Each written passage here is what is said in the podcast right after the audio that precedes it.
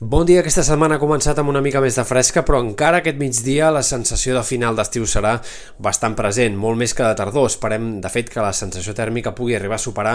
altre cop els 30 graus en diferents comarques, màximes més altes que ahir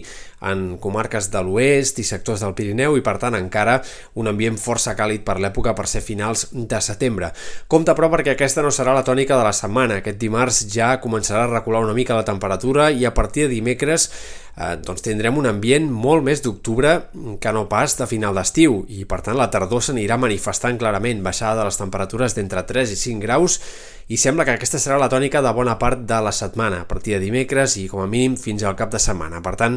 la tardor que va arribant i que sembla que això s'anirà confirmant al llarg dels pròxims dies. Pel que fa a l'estat del cel, el que esperem per avui és que els núvols prims vagin a menys amb el pas de les hores i per tant el sol ha de predominar sobretot aquesta tarda. De cara a demà, més bandes de núvols alts, cel una mica enterbolit, però poques complicacions en el temps. Dimecres dia més insegur, atents perquè podrien caure alguns ruixats, encara que siguin fenòmens bastant aïllats i de poca estona. Al matí, en sectors de la costa, punts del Garraf, Penedès o el Camp de Tarragona fins i tot, i en canvi a la tarda, sobretot, especialment aquests seran els més probables, cap a sectors de la Catalunya central, comarques de Girona, punts del Vallès, Maresme, sempre pluges bastant aïllades, ruixats força puntuals i en general poc abundants.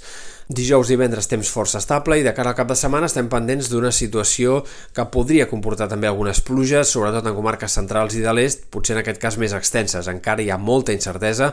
encara no és l'escenari més probable eh, el cap de setmana plujós, però sí que hi ha suficients indicadors com per anar-ho tenint en compte i anar-ho seguint de cara als pròxims dies.